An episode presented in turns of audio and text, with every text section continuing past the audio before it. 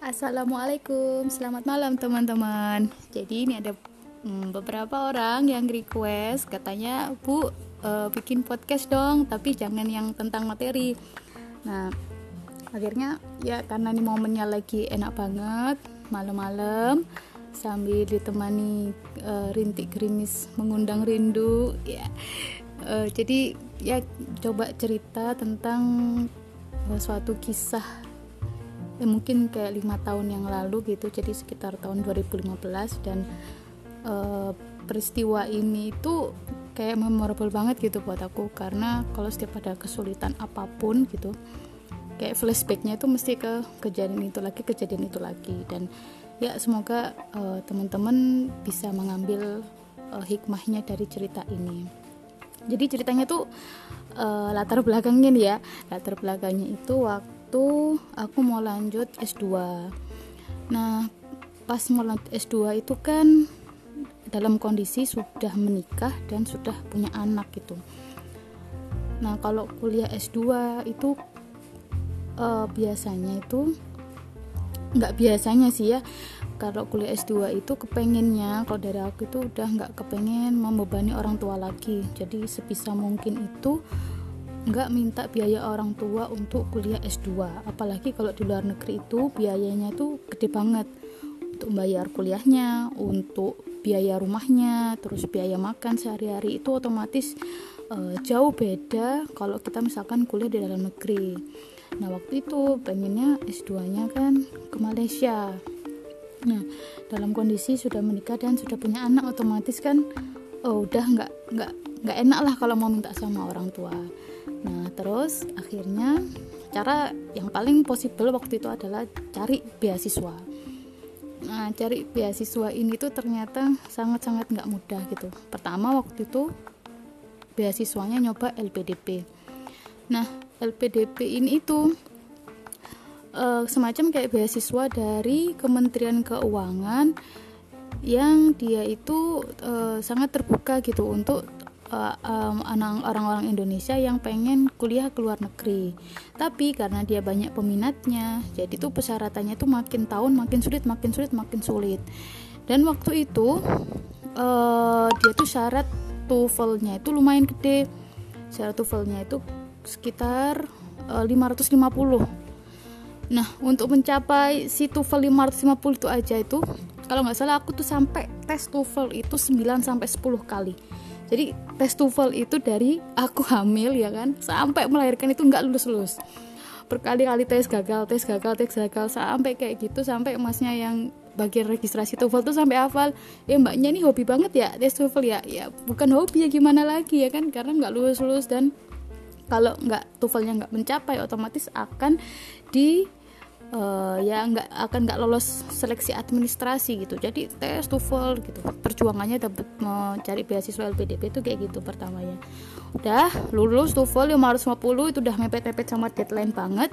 Oke akhirnya apply lah ke LPDP nah habis gitu uh, waktu apply LPDP itu dalam kondisi lagi di Malaysia. Dan waktu itu setelah lulus TOEFL ya kan ternyata masalahnya ada lagi itu. Masalahnya visa. Jadi aku nggak bisa keluar dari Malaysia karena uh, ada permasalahan visa. Padahal LPDP-nya itu ternyata salah satu uh, step selanjutnya itu adalah interview. Jadi mau nggak mau harus balik ke Indonesia. Nah itu perjuangan juga dapetin visa itu kayak yang tiap hari harus ke imigrasi pagi-pagi nanyain terus-terus. Kayak kita tuh meminta banget supaya pihak imigrasi itu mempercepat proses visa. Akhirnya diperbolehkanlah pulang. Udah singkat cerita gitu boleh pulang. Nah habis itu sampai di sana langsung jadi mepet banget waktu itu dapatnya. Jadi kayak misalkan besok interview gitu ya terus malamnya tuh baru pulang dari Malaysia. Sampai pagi langsung interview. Nah kayak gitu. Udah sampai sana ketika interview itu nah uh, karena waktu itu aku ngerasa tuh kayak terlalu apa ya terlalu overthinking kayak terlalu khawatir kalau nggak dapet beasiswa kayak bener-bener kayak terlalu mengharapkan. Jadi waktu interview itu kayak banyak banget banyak banget hal yang uh, miss gitu. Maksudnya kayak Miss itu hmm, interviewnya itu kayak uh, dipersulit gitu. Entah dari review interviewernya ataupun dari aku sendiri itu sangat kesulitan menjawab pertanyaan-pertanyaan yang dilontarkan sama interviewnya interviewernya. Dan waktu itu tuh karena kayak uh, kayak ada kayak ketakutan nggak bakalan dapat beasiswa itu nah akhirnya karena ketika interview itu sangat grogi banget kayak ketakutan banget maka hasil interviewnya pun aku merasa kayak itu bukan performa terbaikku gitu. Dia aku kayak apa ya kayak orang grogi gitu loh. Padahal itu kayak pertanyaannya biasa aja sebenarnya bisa dijawab. Cuma karena terlalu gugup karena terlalu mengharapkan pengen banget dapat beasiswa LPDP itu maka jadinya ya ambiar ya kacau semuanya itu. Pulang-pulang dari interview tuh nangis kayak gitu.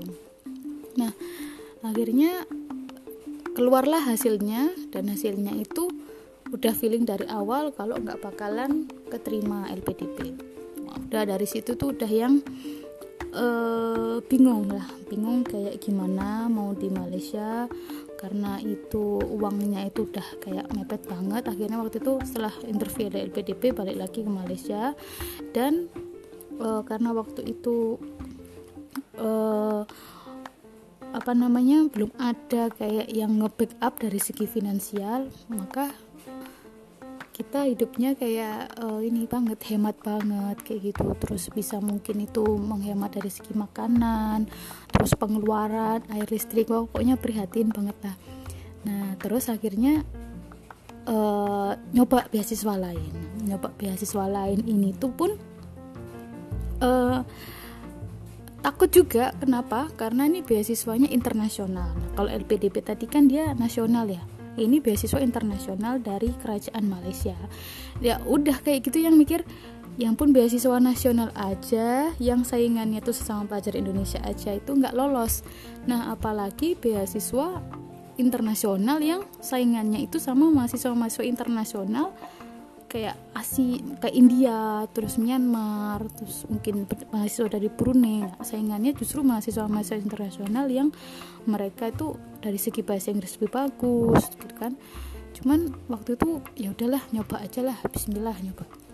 Habis gitu nggak cukup sampai di situ mereka mensyaratkan TOEFL-nya pun juga harus 580 jadi lebih tinggi lagi daripada LPDP udahlah itu tes lagi tes lagi.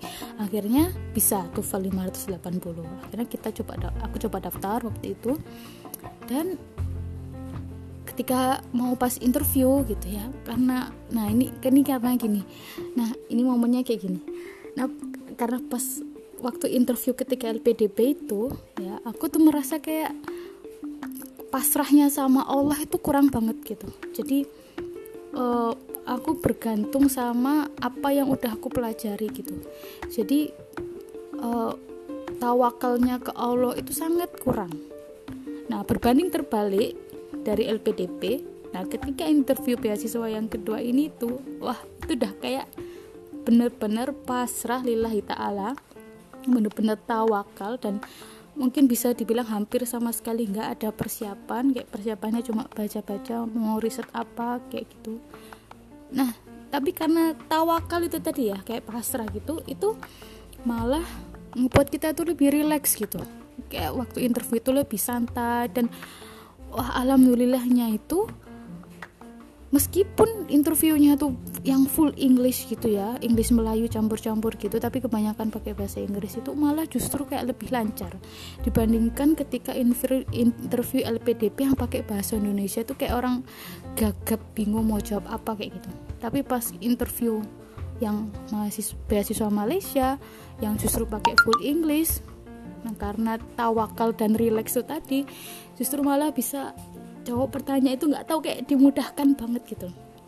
Dan Oke singkat cerita habis gitu kita banyak prosesnya kayak gitu. Akhirnya yang akhirnya beasiswa yang Malaysia ini pun lolos.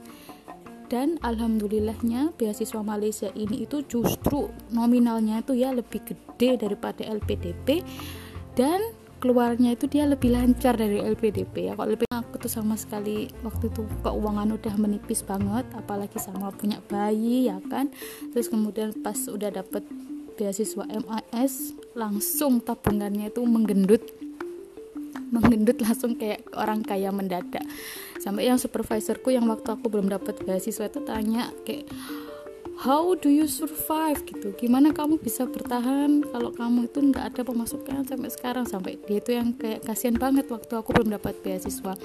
Terus waktu aku ceritain prof alhamdulillah saya dapat beasiswa MAS nah itu beliaunya tuh yang senang banget.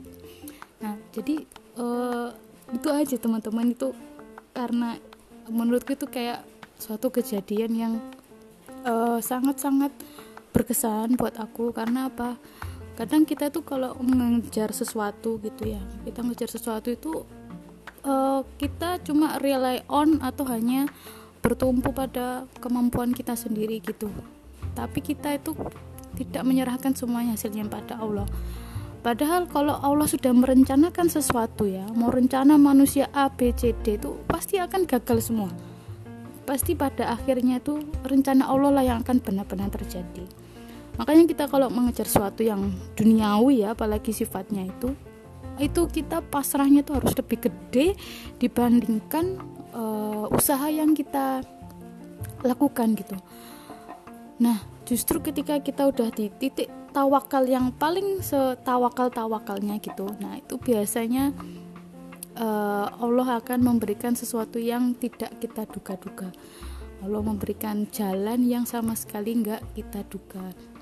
Dan setiap ada kesulitan apa pun ya setelah kejadian itu itu setiap ada kesulitan apa pun aku selalu ingatnya kejadian itu lagi. Ya Allah dulu pernah melalui masa yang lebih sulit kalau ini aja pasti aku bisa melaluinya. Selalu kayak gitu dan uh, harapannya teman-teman bisa mengambil pelajaran dari kisah ini gitu. Jadi uh, kalau pernah dengar ceritanya Nabi Musa sama Fir'aun ya. Nabi Musa ketika bayi ya dia dihanyutkan ke sungai Nil sama ibunya. Terus Fir'aun pun meninggal atau dia matinya itu di sungai Nil. Padahal sama-sama sungai Nil nih sama-sama sungai Nil ternyata dia tidak bisa mencelakai Nabi Musa yang waktu itu dia dalam kondisi yang selemah-lemahnya. Ya. Sedangkan Fir'aun yang dia dalam kondisi paling kuat di titik dia terkuat pada saat itu sungai Nil jugalah yang menenggelamkan dia. Nah, jadi teman-teman di sini uh, apa pun kondisi kita mau kita lagi di bawah banget di titik terendah kita ataupun di titik tertinggi kita kita merasa lagi di puncaknya gitu apa pun kondisi kita jangan pernah lupa sama Allah. Jangan pernah jauh dari Allah. Kalau ngerasa jauh ya mendekat lagi kalau ngerasa uh, banyak melalaikan waktu untuk hal-hal yang gak berguna ya mulai lagi untuk mendekatkan diri pada Allah. Dan yang paling penting kalau kita punya impian apa pun itu tawakalnya harus lebih gede daripada ikhtiarnya. Ikhtiar maksimal kita usaha maksimal semaksimal mungkin yang bisa kita lakukan tapi kita juga tawakalnya harus totalitas ya tawakal totalitas tanpa batas. Oke sekian podcast hari ini. Semoga bermanfaat dan berfaedah. Sampai ketemu di podcast selanjutnya. Wassalamualaikum warahmatullahi wabarakatuh